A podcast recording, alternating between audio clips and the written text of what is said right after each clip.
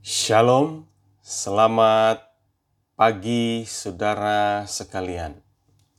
Pendengar radio Good News, sahabat-sahabat Good News, di mana pun saja saudara-saudara berada. Kita berjumpa kembali di ruang seminar, di seminar penata layanan bersama saya, Pendeta John Medelu.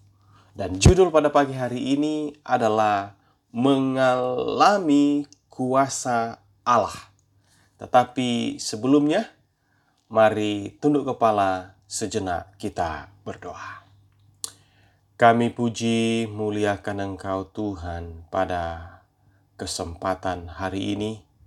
Kami sedia untuk mendengarkan akan firman Tuhan.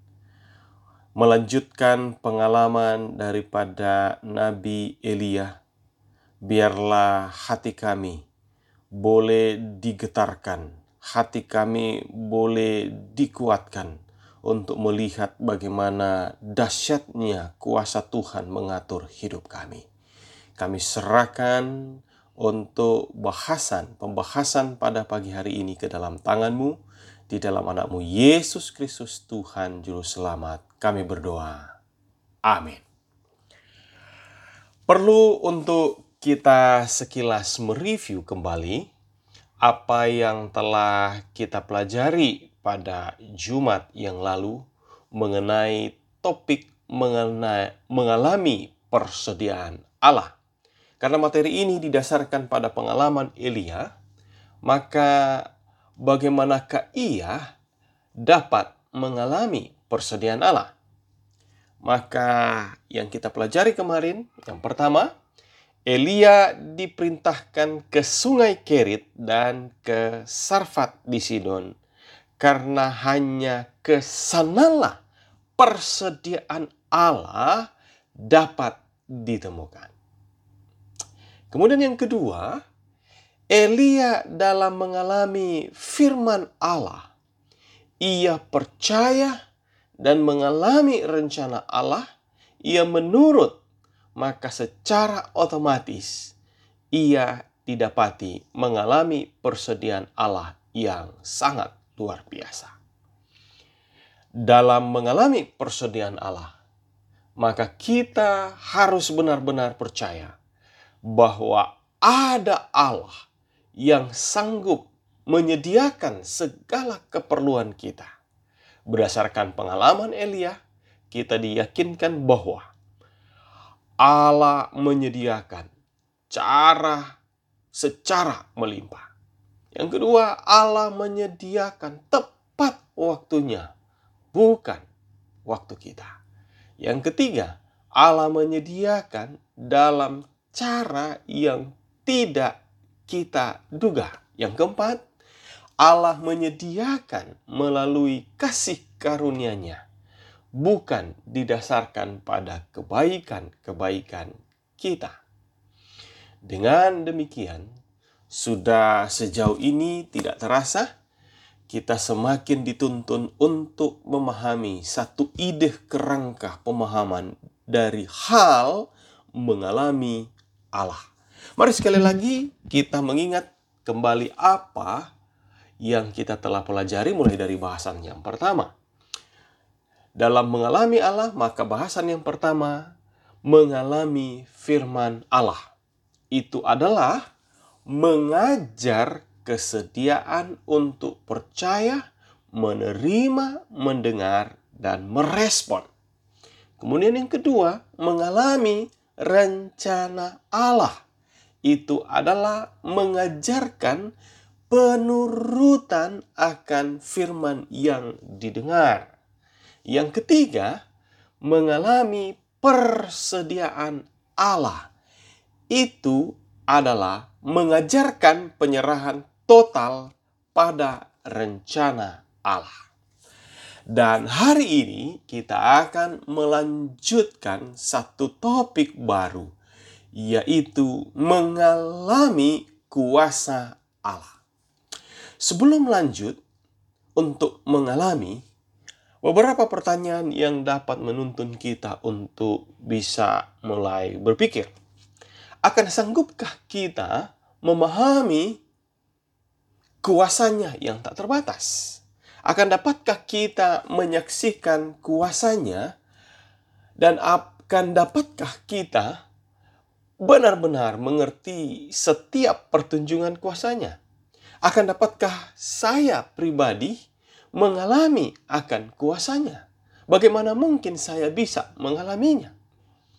Untuk menemukan jawaban dari kemungkinan dan kesanggupan kita mengalami akan kuasanya, maka sekarang waktunya kita akan kembali lagi untuk mempelajari kelanjutan kisah Elia yang dicatat di dalam satu Raja-Raja pasal 17. Karena dalam pengalaman nyatanya dapat menolong kita bisa memahami bahwa lebih jauh lagi untuk menolong melalui melalui pengalamannya kita dapat dapat menolong kita untuk lebih memampukan kita untuk mengalaminya. Nah, sekarang bagaimanakah Elia dapat mengalami akan kuasa Allah? Tentunya kita masih ingat tiga urutan pertama dari seri bahasan memahami Allah. Urutan dan sekaligus menjadi langkah pertama yang harus dimulai dalam yang harus dimulai adalah kesediaan mendengar dan percaya merespon akan firman-Nya. Dilanjut dengan langkah kedua, tadi saya sudah sebutkan adalah penurutan, tindakan taat dalam mengikuti rencananya yang terdapat dalam firman-Nya yang disampaikan. Kemudian langkah terketiga adalah penyerahan secara total sepenuhnya bergantung pada persediaannya dan di dalam menyediakan segala keperluan hidup kita. Allah akan mendemonstrasikan kuasanya. Di sinilah bagian penting yang perlu kita elaborasikan pemahaman kita mengenai Allah Maha Kuasa. Ada Allah yang berkuasa. Berkuasa dan sanggup mengatur segala persediaan untuk bisa menjadi milik kita. Dalam menyediakan keperluan Elia, Tuhan Maha Kuasa menunjukkan kuasanya untuk mengatur semuanya. Dalam kisah di dalam satu Raja-Raja pasal 17, paling tidak ada dua hal. Melalui dua hal, Allah mengatur begitu luar biasa. Yang pertama, melalui natural means. Artinya adalah bahwa itu sudah ada, hanya disuruh untuk ke sana dan kemudian persediaan itu tersedia. Maksudnya, Elia diminta untuk menuju ke sebuah sungai yang sejatinya hanyalah anak sungai yang memiliki aliran air yang sangat kecil dalam bahasa Inggris disebut the brook. Dari air sungai Kerit itulah Elia mendapatkan air minum. Dan ini memang sudah tersedia. Walaupun demikian, itulah cara Allah untuk mengatur Elia boleh mendapatkannya. Tetapi yang kedua, yang boleh saya sebutkan adalah melalui supernatural means. Apa artinya? Ada dua bagian yang dialami oleh Elia. Yang pertama adalah burung gagak. Waktu di Kerit, Elia diberi makan dari burung gagak. Inilah hal yang yang takjub, hal yang luar biasa. Kemudian yang kedua, kesediaan hati dan keinginan, kerelaan dari se seorang dari seseorang. Waktu di Sarfat, Elia diberi makan melalui kerelaan hati seorang perempuan janda yang bersedia berbagi dan menjamu memberi makan. Dia jadi Elia makan dari pemeliharaan Allah yang luar biasa atas pernyataan mujizat yang Tuhan tunjukkan di sana. Baik, Bapak Ibu, Saudara yang dikasihi Tuhan, sahabat Good News. Untuk penentuan, penentuan Tuhan dalam menyediakan minuman melalui air sungai tentunya adalah hal yang biasa. Dan itu bisa saja terjadi di mana dan kapan saja. Tetapi menghadirkan hewan dan orang asing adalah sesuatu yang hanya dapat diatur dan dikendalikan oleh kuasa dahsyat Allah itu sendiri. Satu hal yang sama dinyatakan dalam dua kasus ini. Baik burung gagak maupun sang janda adalah pernyataan Tuhan selalu diikuti begini. Telah ku perintahkan dalam setiap firmannya yang disampaikan kepada Elia. Mari kita lihat secara rinci bagaimana semuanya ini bisa terjadi. Yang pertama adalah burung gagak telah kuperintahkan.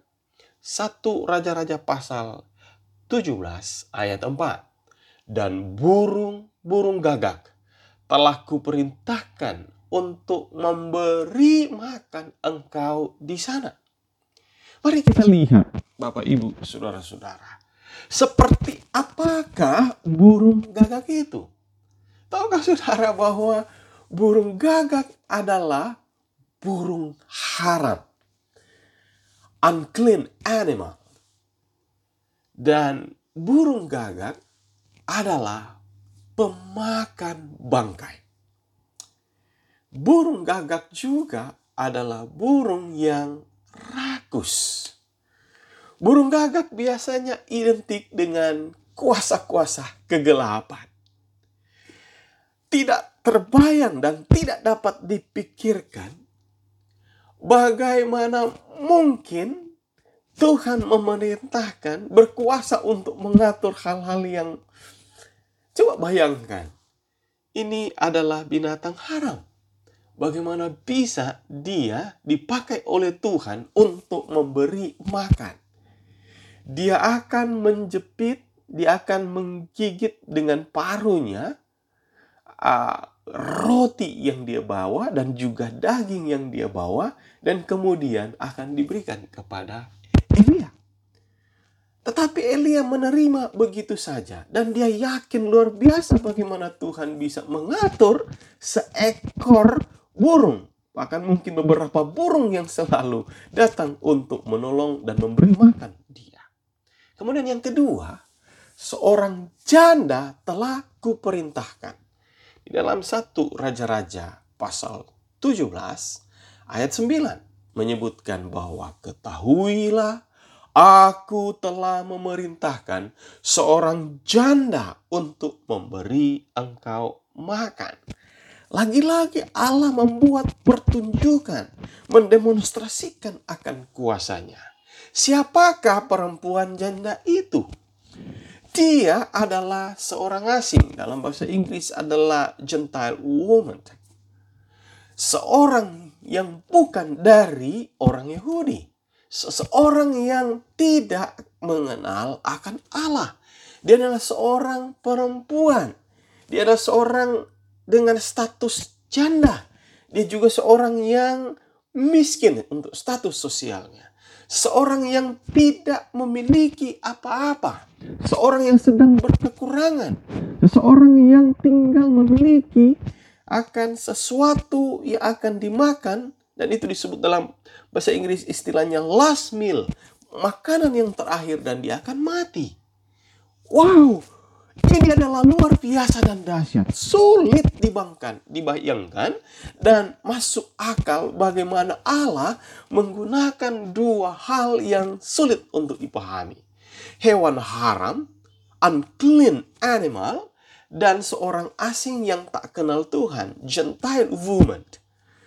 Namun, di sinilah terlihat bahwa kemahakuasaan atau mungkin bisa sebutkan kesaktian dahsyatnya Allah dinyatakan dalam mengatur alam semesta, dalam mendukung dan memenuhi rencana agen memenuhi agenda rencananya. Mari kita melihat ke bagaimana kuasa Tuhan terjadi atas tiap pribadi, alam, dan jalan hidup serta sejarah suatu bangsa. Berikut ini adalah beberapa contoh yang bisa kita pelajari. Pertama, ketika Allah memilih seseorang atau satu pribadi. Yeremia 1 ayatnya yang ke lima ayatnya yang kelima. Firman Tuhan, sebelum aku membentuk engkau dalam rahim ibumu.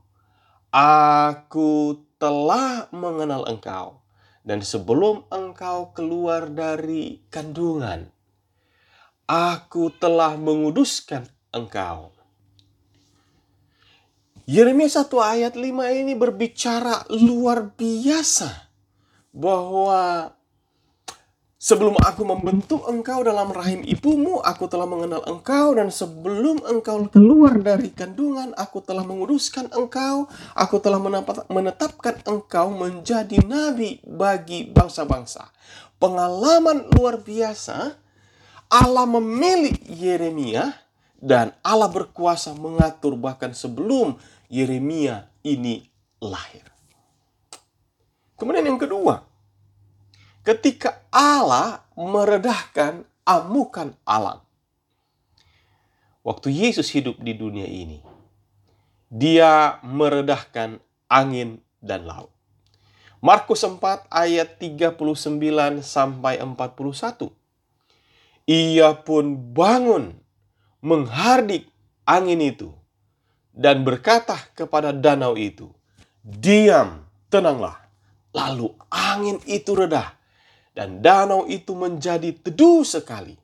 Lalu ia berkata kepada mereka, "Mengapa kamu begitu takut? Mengapa kamu tidak percaya?" Mereka menjadi sangat takut dan berkata seorang kepada yang lain, "Siapa gerangan orang ini sehingga angin dan danau pun taat kepadanya?" Kita bisa melihat di sini bahwa Allah sungguh luar biasa meredahkan amukan angin dan laut. Kata lain bahwa Allah berkuasa untuk mengatur alam ciptaannya. Kemudian yang ketiga, ketika Allah menurunkan roti surga mana yang dicatat di dalam Keluaran pasal 16 ayat 35. Orang Israel makan mana 40 tahun lamanya sampai mereka tiba di tanah yang didiami orang. Mereka makan mana sampai tiba di perbatasan tanah Kanaan.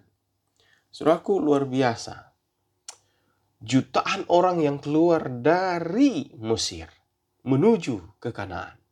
Bangsa Israel mengalami persediaan dan kuasa Allah selama 40 tahun. Allah telah memberi mereka makan melalui roti surga.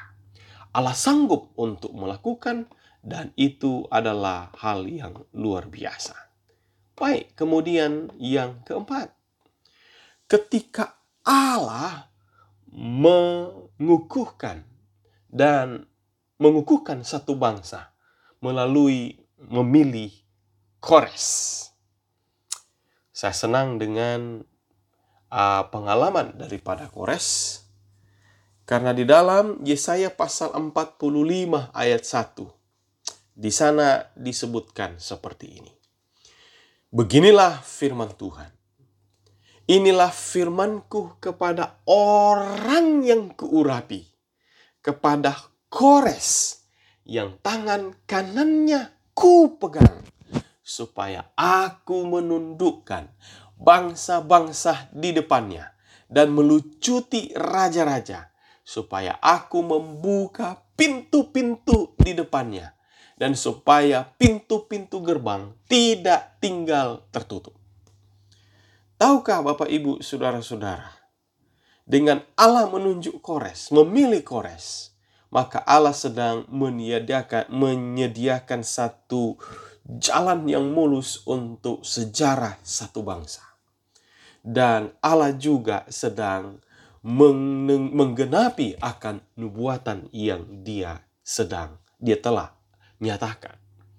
Dan luar biasa untuk Kores, dalam kasus Kores, Tuhan telah menyatakan dua hal yang dicatat di dalam ayat tadi, Yesaya 45 ayat 1. Itu menjadi nubuatan tentang dirinya yang disampaikan oleh Nabi Yesaya mengenai dua hal yaitu nama dan strateginya ya untuk pasti terjadi jauh di kemudian hari. Untuk nama, nama Kores disebutkan dengan menyebutkan nama seseorang dengan pasti. Kores yang dinubuatkan 150 tahun sebelum ia lahir. Bayangkan Yesaya menulis nama ini atas petunjuk Tuhan, Tuhan mengatur, Tuhan menyebutkan itu di dalam tulisan Alkitab 150 tahun sebelum Kores dilahirkan. Kemudian ayat itu juga berbicara mengenai strategi yang akan dipakai oleh Kores dengan menyebutkan bagaimana cara penaklukan. Sudah lihat, membuka pintu-pintu di depannya supaya pintu-pintu gerbang tidak tinggal tertutup Saudaraku, luar biasa. Ini kemudian digenapi setelah 200 tahun kemudian. Kata lain, setelah dia lahir ada 50 tahun ke depan. Maka dia sudah dipakai oleh Tuhan untuk masuk dan kemudian menaklukkan kerajaan Babylon. Bagaimana nubuatan ini bisa terjadi? Berikut kisah singkat mengenai kelahiran dan masa hidup remaja Kores yang ditulis oleh Herodotus, seorang sejarawan Yunani. Baik, mari kita lihat sejarah keluarga Kores. Jadi, dalam keluarga Kores disebutkan bahwa ada Estiages dari kerajaan Media yang kawin dengan uh, Arienis, sedangkan di sisi lain ada Cyrus, Cyrus satu dari kerajaan Persia. Tadi Astiages kerajaan Media akhirnya melahirkan Mandane atau mungkin saya bisa sebut mundane ya, mandane, mundane. Sedangkan untuk keluarga uh, kerajaan dari Persia, Sirus I, maka lahirlah Kambises. Tahukah saudara bahwa ketika di satu waktu Astiages ini bermimpi bahwa cucunya di suatu waktu akan menguasai akan dunia ini. Dan dia merasa terganggu bahwa bagaimana mungkin cucunya akan mau menaklukkan dia atau menyingkirkan dia untuk kemudian dia akan berkuasa. Saudaraku yang kekasih, akhirnya Estiages memutuskan untuk putrinya Mendain dikawinkan dengan uh, Kambises, uh, putra kerajaan dari kerajaan Persia.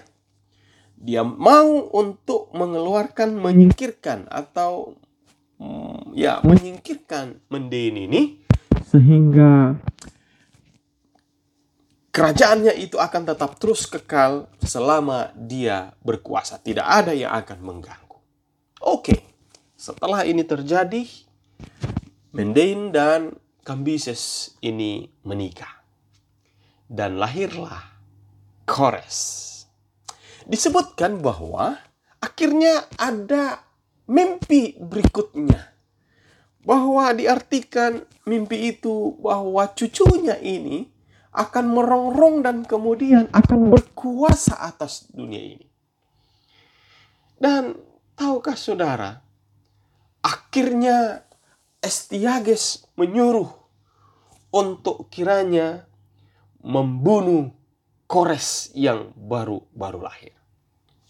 Dan melalui jenderal panglimanya Harpagus akhirnya menculik Kores, membawa keluar jauh dari istana dan mau mengeksekusi, membunuh Kores.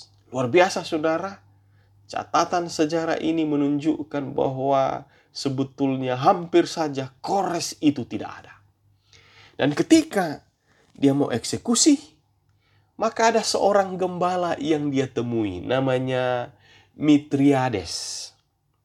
Ketika dia ketemu dengan gembala ini, dia merasa bahwa ya adalah sesuatu hal yang baik untuk menghindari tangannya berlumur darah membunuh putra daripada kerajaan. Sehingga akhirnya dia menyerahkan eksekusi ini kepada seorang gembala. Dan saudara tahu yang lebih ajaib lagi, bahwa ternyata keluarga dari gembala ini, mereka punya anak. Memiliki seorang anak, dan ketika diketahui bahwa anaknya meninggal, jadi inilah ide daripada keluarga gembala ini. Bahwa mereka akan tetap memelihara kores kecil ini.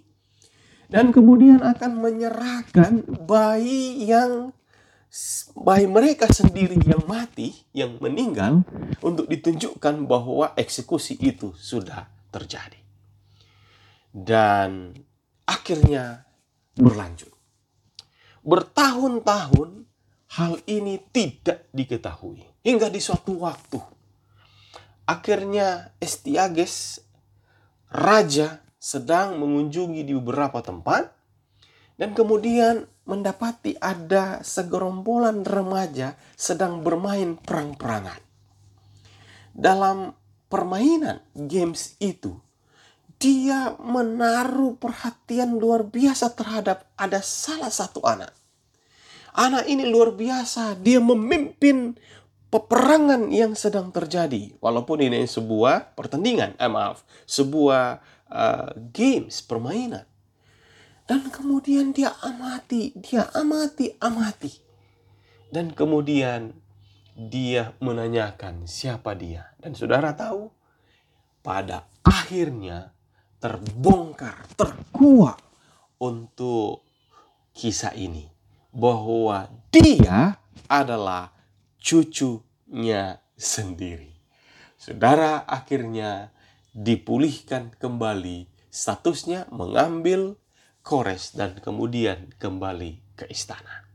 Sungguh luar biasa kemahakuasaan Tuhan dinyatakan melalui peristiwa sejarah ini. Tuhan berkuasa mengatur segala sesuatu. Dia mengatur alam semesta. Dia mengatur bintang, planet, mengatur bumi dan segala isinya. Dia mengatur sejarah manusia dan juga bangsa di dunia ini. Dia juga mengatur hidup masing-masing kita. Bayangkan saudara, ketika Allah telah bernubuat dan kemudian Kores berhasil untuk dibunuh. Apa yang akan terjadi dengan Allah? Tetapi itulah Allah. Dia maha kuasa. Nabi Yesaya menyatakan tentang kemahakuasaan Tuhan dalam menentukan dan menetapkan serta menjalankan segala rencana, rancangan, agenda kehendaknya seperti yang dicatat di dalam Yesaya 14 ayat 24. Tuhan semesta alam telah bersumpah firman-Nya. Sesungguhnya seperti yang ku maksud, demikianlah akan terjadi. Dan seperti yang kurancang, demikianlah akan terlaksana. Untuk menggambarkan kemahakuasaan Allah dalam mengatur alam semesta, maka ada seorang komposer terinspirasi dan menuliskan satu syair lagu dan kemudian menjadi populer di tahun 1980-an bahkan hingga sekarang ini. Scott Wesley Brown menuliskan lagu He Will Carry You. Dalam syairnya dia katakan, There is no problem too big. God cannot solve it. There is no mountain too tall. God cannot move it. There is no storm too dark. God cannot calm it. There is no sorrow too deep. He cannot solve it. Or if he carry the weight of the world upon his soldiers, I know my brother that he will carry you. Luar biasa lagu ini. Dalam bahasa Inggris, bahasa Indonesia, saudara mungkin hafal. Tiada beban yang berat di dalam Tuhan. Gunung yang amat tinggi dihalaukannya. Mungkin saya teruskan ya. Badai hidup yang besar diredakannya. Hati yang hancur luluh dihiburkannya. Jika dia mengatur semua isi dunia, ku tahu dia pun juga pimpin hidupku. Saudaraku, lagu ini luar biasa. Menggambarkan Allah yang maha kuasa. Mengatur segala sesuatu di dunia, termasuk mengatur tiap pribadi. Elia mengalami hal yang luar biasa, supernatural means. Dia diberi makan melalui burung gagak dan juga mendapatkan makanan melalui kerelaan kebaikan hati daripada seorang asing yang tadinya tidak mengenal Allah. Demikian halnya Tuhan juga berkuasa untuk mengatur berkat bagi kita masing-masing. Firman Tuhan menyatakan di dalam Malaki pasal 2 ayat 2. Jika kamu tidak mendengar dan jika kamu tidak memberi perhatian untuk menghormati namaku, firman Tuhan semesta alam, maka aku akan mengirimkan kutuk ke antara kamu dan akan membuat berkat-berkatmu menjadi kutuk. Dan aku telah membuatnya menjadi kutuk sebab aku ini tidak sebab kamu ini tidak memperhatikan. Ayat ini luar biasa, Saudara. Bahwa Allah bisa mengatur kutuk. Tentunya disayangkan Tuhan tidak berencana untuk hal itu.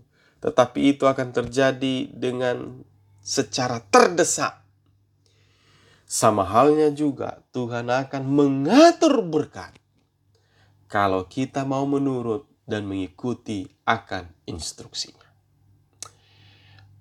Dan sebagai refleksi kepada kita, mengapa kita terlalu menyusahkan diri kita dengan terlalu juga memikirkan permasalahan hidup kita.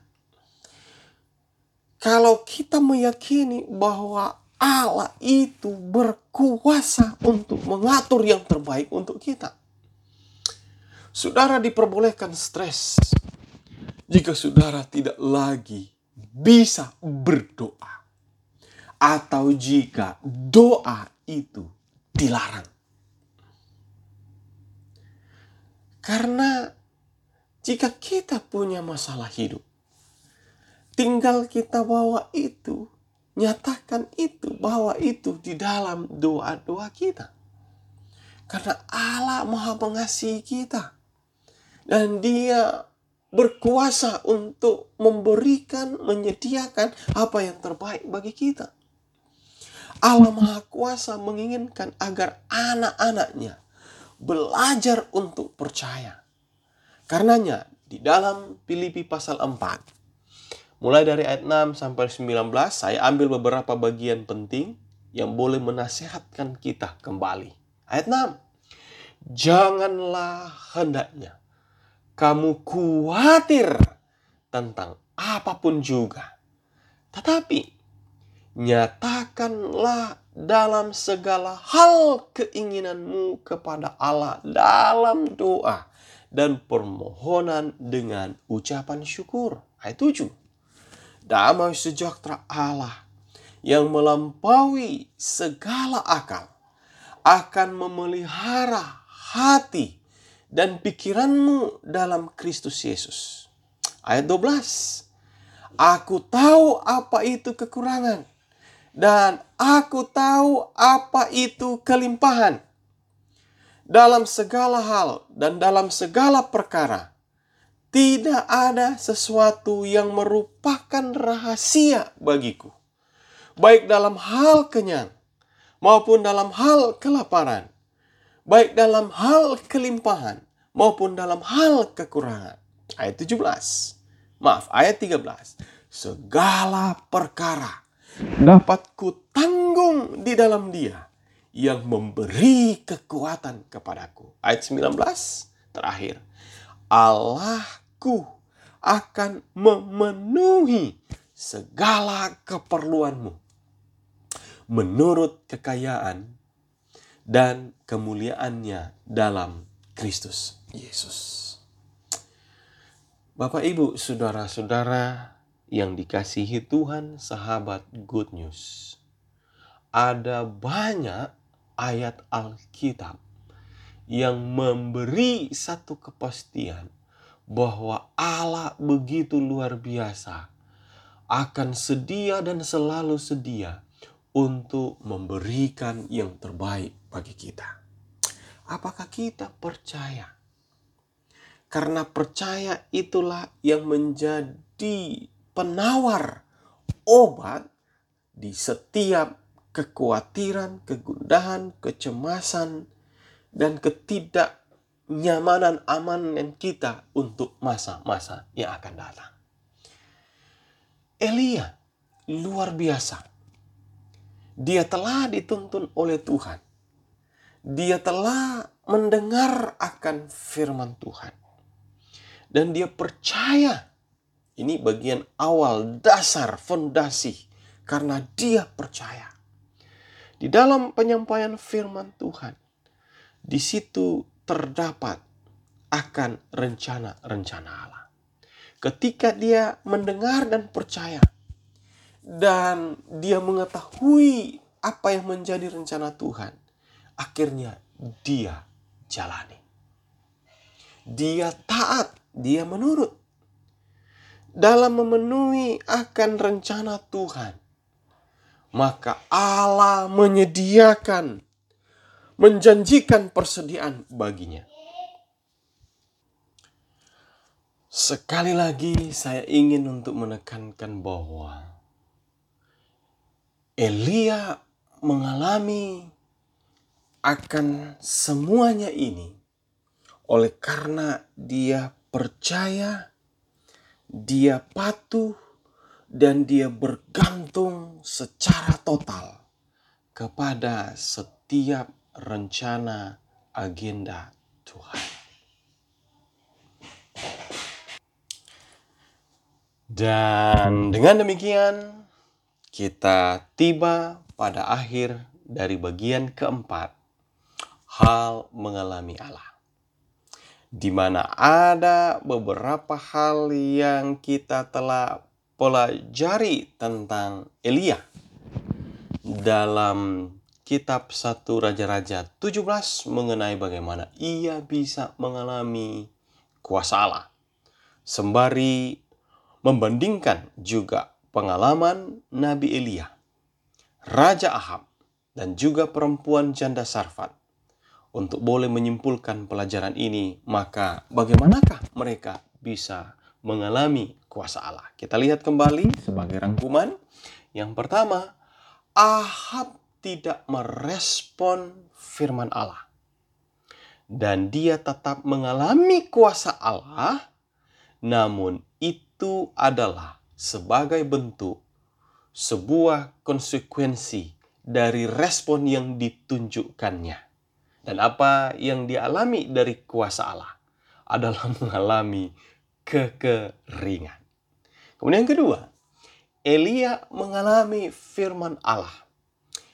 Mengalami yang kemudian mengalami kuasa Allah yang menyaksikan kuasa pemeliharaannya dengan mengatur burung gagak, hewan haram, dan seorang janda sarfat, satu pribadi tertentu yang boleh menjadi berkat di dalam perjalanan hidupnya. Yang ketiga, janda Sarfat mengalami firman Allah dan mengalami juga kuasa Allah dengan menyaksikan kuasa pemeliharaan yang ajaib untuk masa-masa yang sulit hingga di masa kekeringan hingga hujan itu dicurahkan. Melihat kebesaran Tuhan dalam menyediakan dan mengatur dengan penuh kuasa. Paulus di dalam Roma pasal 8 ayat 32 menyatakan bahwa ia yang tidak menyayangkan anaknya sendiri, tetapi yang menyerahkannya bagi kita semua. Bagaimanakah mungkin ia tidak mengaruniakan segala sesuatu kepada kita bersama-sama dengan dia? Izinkan saya untuk membawa satu pengalaman singkat. Waktu saya jual buku di kota Medan, tidak ada satu orang pun yang saya kenal, tahu siapa pun yang ada di Medan. Ketika tiba di bandara, yang saya tahu bahwa kita mempunyai rumah sakit Advent. Saya coba cari informasi dan kemudian setelah menemukan itu ada di sini, di situ dan bagaimana untuk harus ke sana, saya naik saya ambil taksi dan kemudian berangkat menuju ke tempat ini. Sampai di sana, saudaraku, saya tidak tahu saya harus ketemu dengan siapa. Tentunya sebagai penjual uh, evangelis literatur, tapi saya ini student literatur, ya kepada siapa aja, siapa saja akan masuk dan kemudian ke Facebook. Jadi saya tiba, saya langsung cari, ketemu dengan Dr. Robin Supit, Supit Kemudian ada juga dokter-dokter yang lain. Dan pada kesempatan itu saya walaupun nampaknya belum ya kalau mau dikata harapan kami untuk bisa sukses jual buku dengan banyak buku yang terjual tetapi uh, yang luar biasanya yang ingin saya saksikan adalah walaupun mungkin hari itu tidak seperti yang saya harapkan. Tapi permasalahan berikutnya adalah kira-kira nanti saya harus tinggal di mana, menginap di mana, dan bagaimana saya bisa menjalani hidup saya, liburan saya di Medan dengan saya tidak mengenal siapa pun. Saya berdoa, Tuhan tolong setelah canvas ke beberapa personalia di rumah sakit itu, saya kemudian turun, keluar, Di depan jalan itu saya komat kamit dengan Tuhan. Apalagi yang harus saya lakukan? Tiba-tiba saya bertemu dengan seseorang yang datang masuk ke pintu gerbang daripada rumah sakit. Saya mengenal orang ini. Dan beliau tidak kenal saya. Saya langsung menyapa. Dia ada, beliau adalah pendeta Lasno. Pendeta, apa kabar? Kok bisa di sini? Dia menunjukkan bahwa anaknya sedang dirawat di rumah sakit. Saya mengikuti beliau dan kemudian saya jenguk, saya berdoa, kemudian kita tukar-tukar pengalaman, cerita-cerita. Beliau ternyata ingin menyekolahkan anaknya ke Filipina. Dan lama kita berbicara. Tetapi saudara, saya kemudian harus berpikir harus tinggalkan rumah sakit. Dan apa yang harus saya lakukan? Dan ke mana? Saya bolak-balik mondar-mandir antara beberapa ruangan, kemudian resepsionis, dan akhirnya jawaban Tuhan itu nyata. Saya pergi ke resepsionis, rep sesionis, penerima tamu. Dan kemudian di sana saya coba baca beberapa brosur, katalog, ya seperti killing time, sambil menunggu apa yang terbaik yang harus saya lakukan.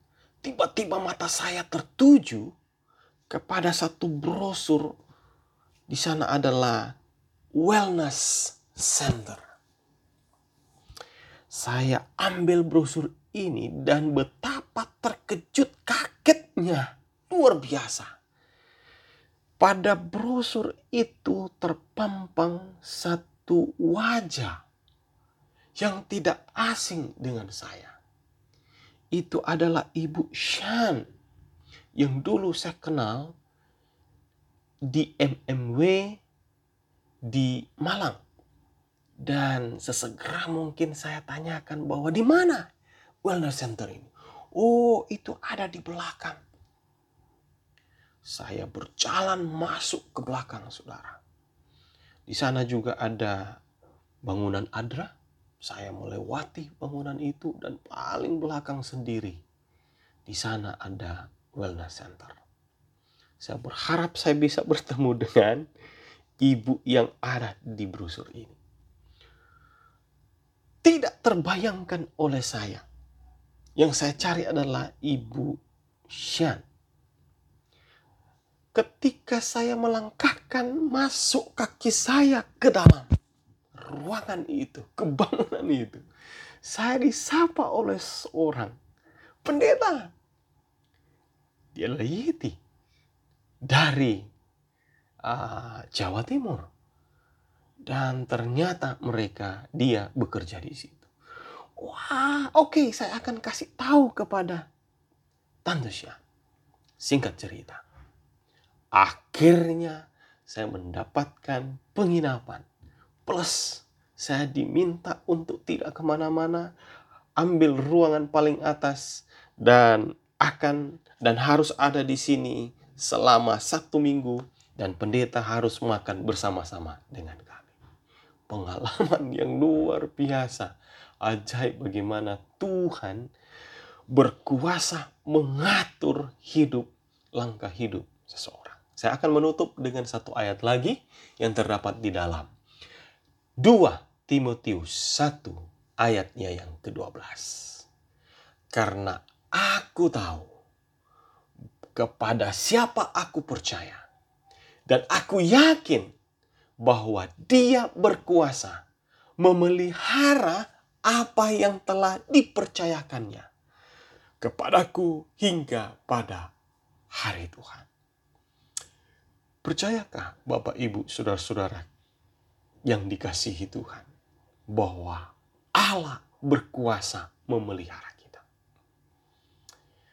Biarlah melalui pengalaman daripada Elia di dalam satu raja-raja pasal 17 dapat menolong kita untuk lebih memahami luar biasa dasar Allah bekerja bagi kita dan kita boleh diberi akan satu pengalaman untuk kita juga boleh mengalami kuasa daripada.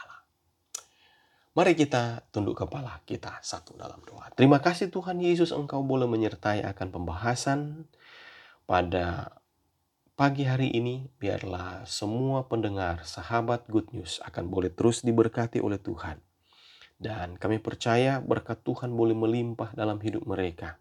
Saat mereka mereka mulai percaya dan kemudian mau menurut, taat, dan bergantung sungguh-sungguh kepada Tuhan, mereka akan boleh mengalami dahsyatnya kuasa mujizat Tuhan berlaku dalam hidup mereka. Di masa-masa yang sulit hari ini, pandemik, virus corona memohon agar kiranya proteksi Tuhan boleh menjadi bagian kami semua.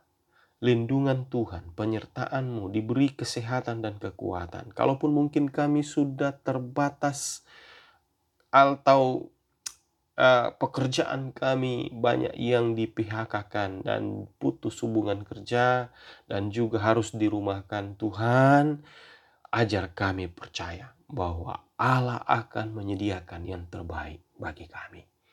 Dan biarlah ya Tuhan, Engkau memberkati tiap-tiap pendengar radio hari ini. Pribadi, keluarga, lepas keluarga. Diberkati oleh Tuhan, diberkati juga untuk radio Good News yang dikoordinir oleh hamba Tuhan, pendeta Kurnaidi sekeluarga. Berkat Tuhan boleh menjadi bagian mereka. Terima kasih Tuhan, Engkau sungguh baik bagi kami. Terpujilah Engkau Tuhan sekarang untuk selamanya. Di dalam anakmu Yesus Kristus Tuhan Juru Selamat kami berdoa. Amin. Baik, demikianlah apa yang bisa kami sampaikan. Berkat Tuhan kiranya boleh menjadi bagian saudara-saudara pendengar. Tuhan Yesus memberkati kita. Amin.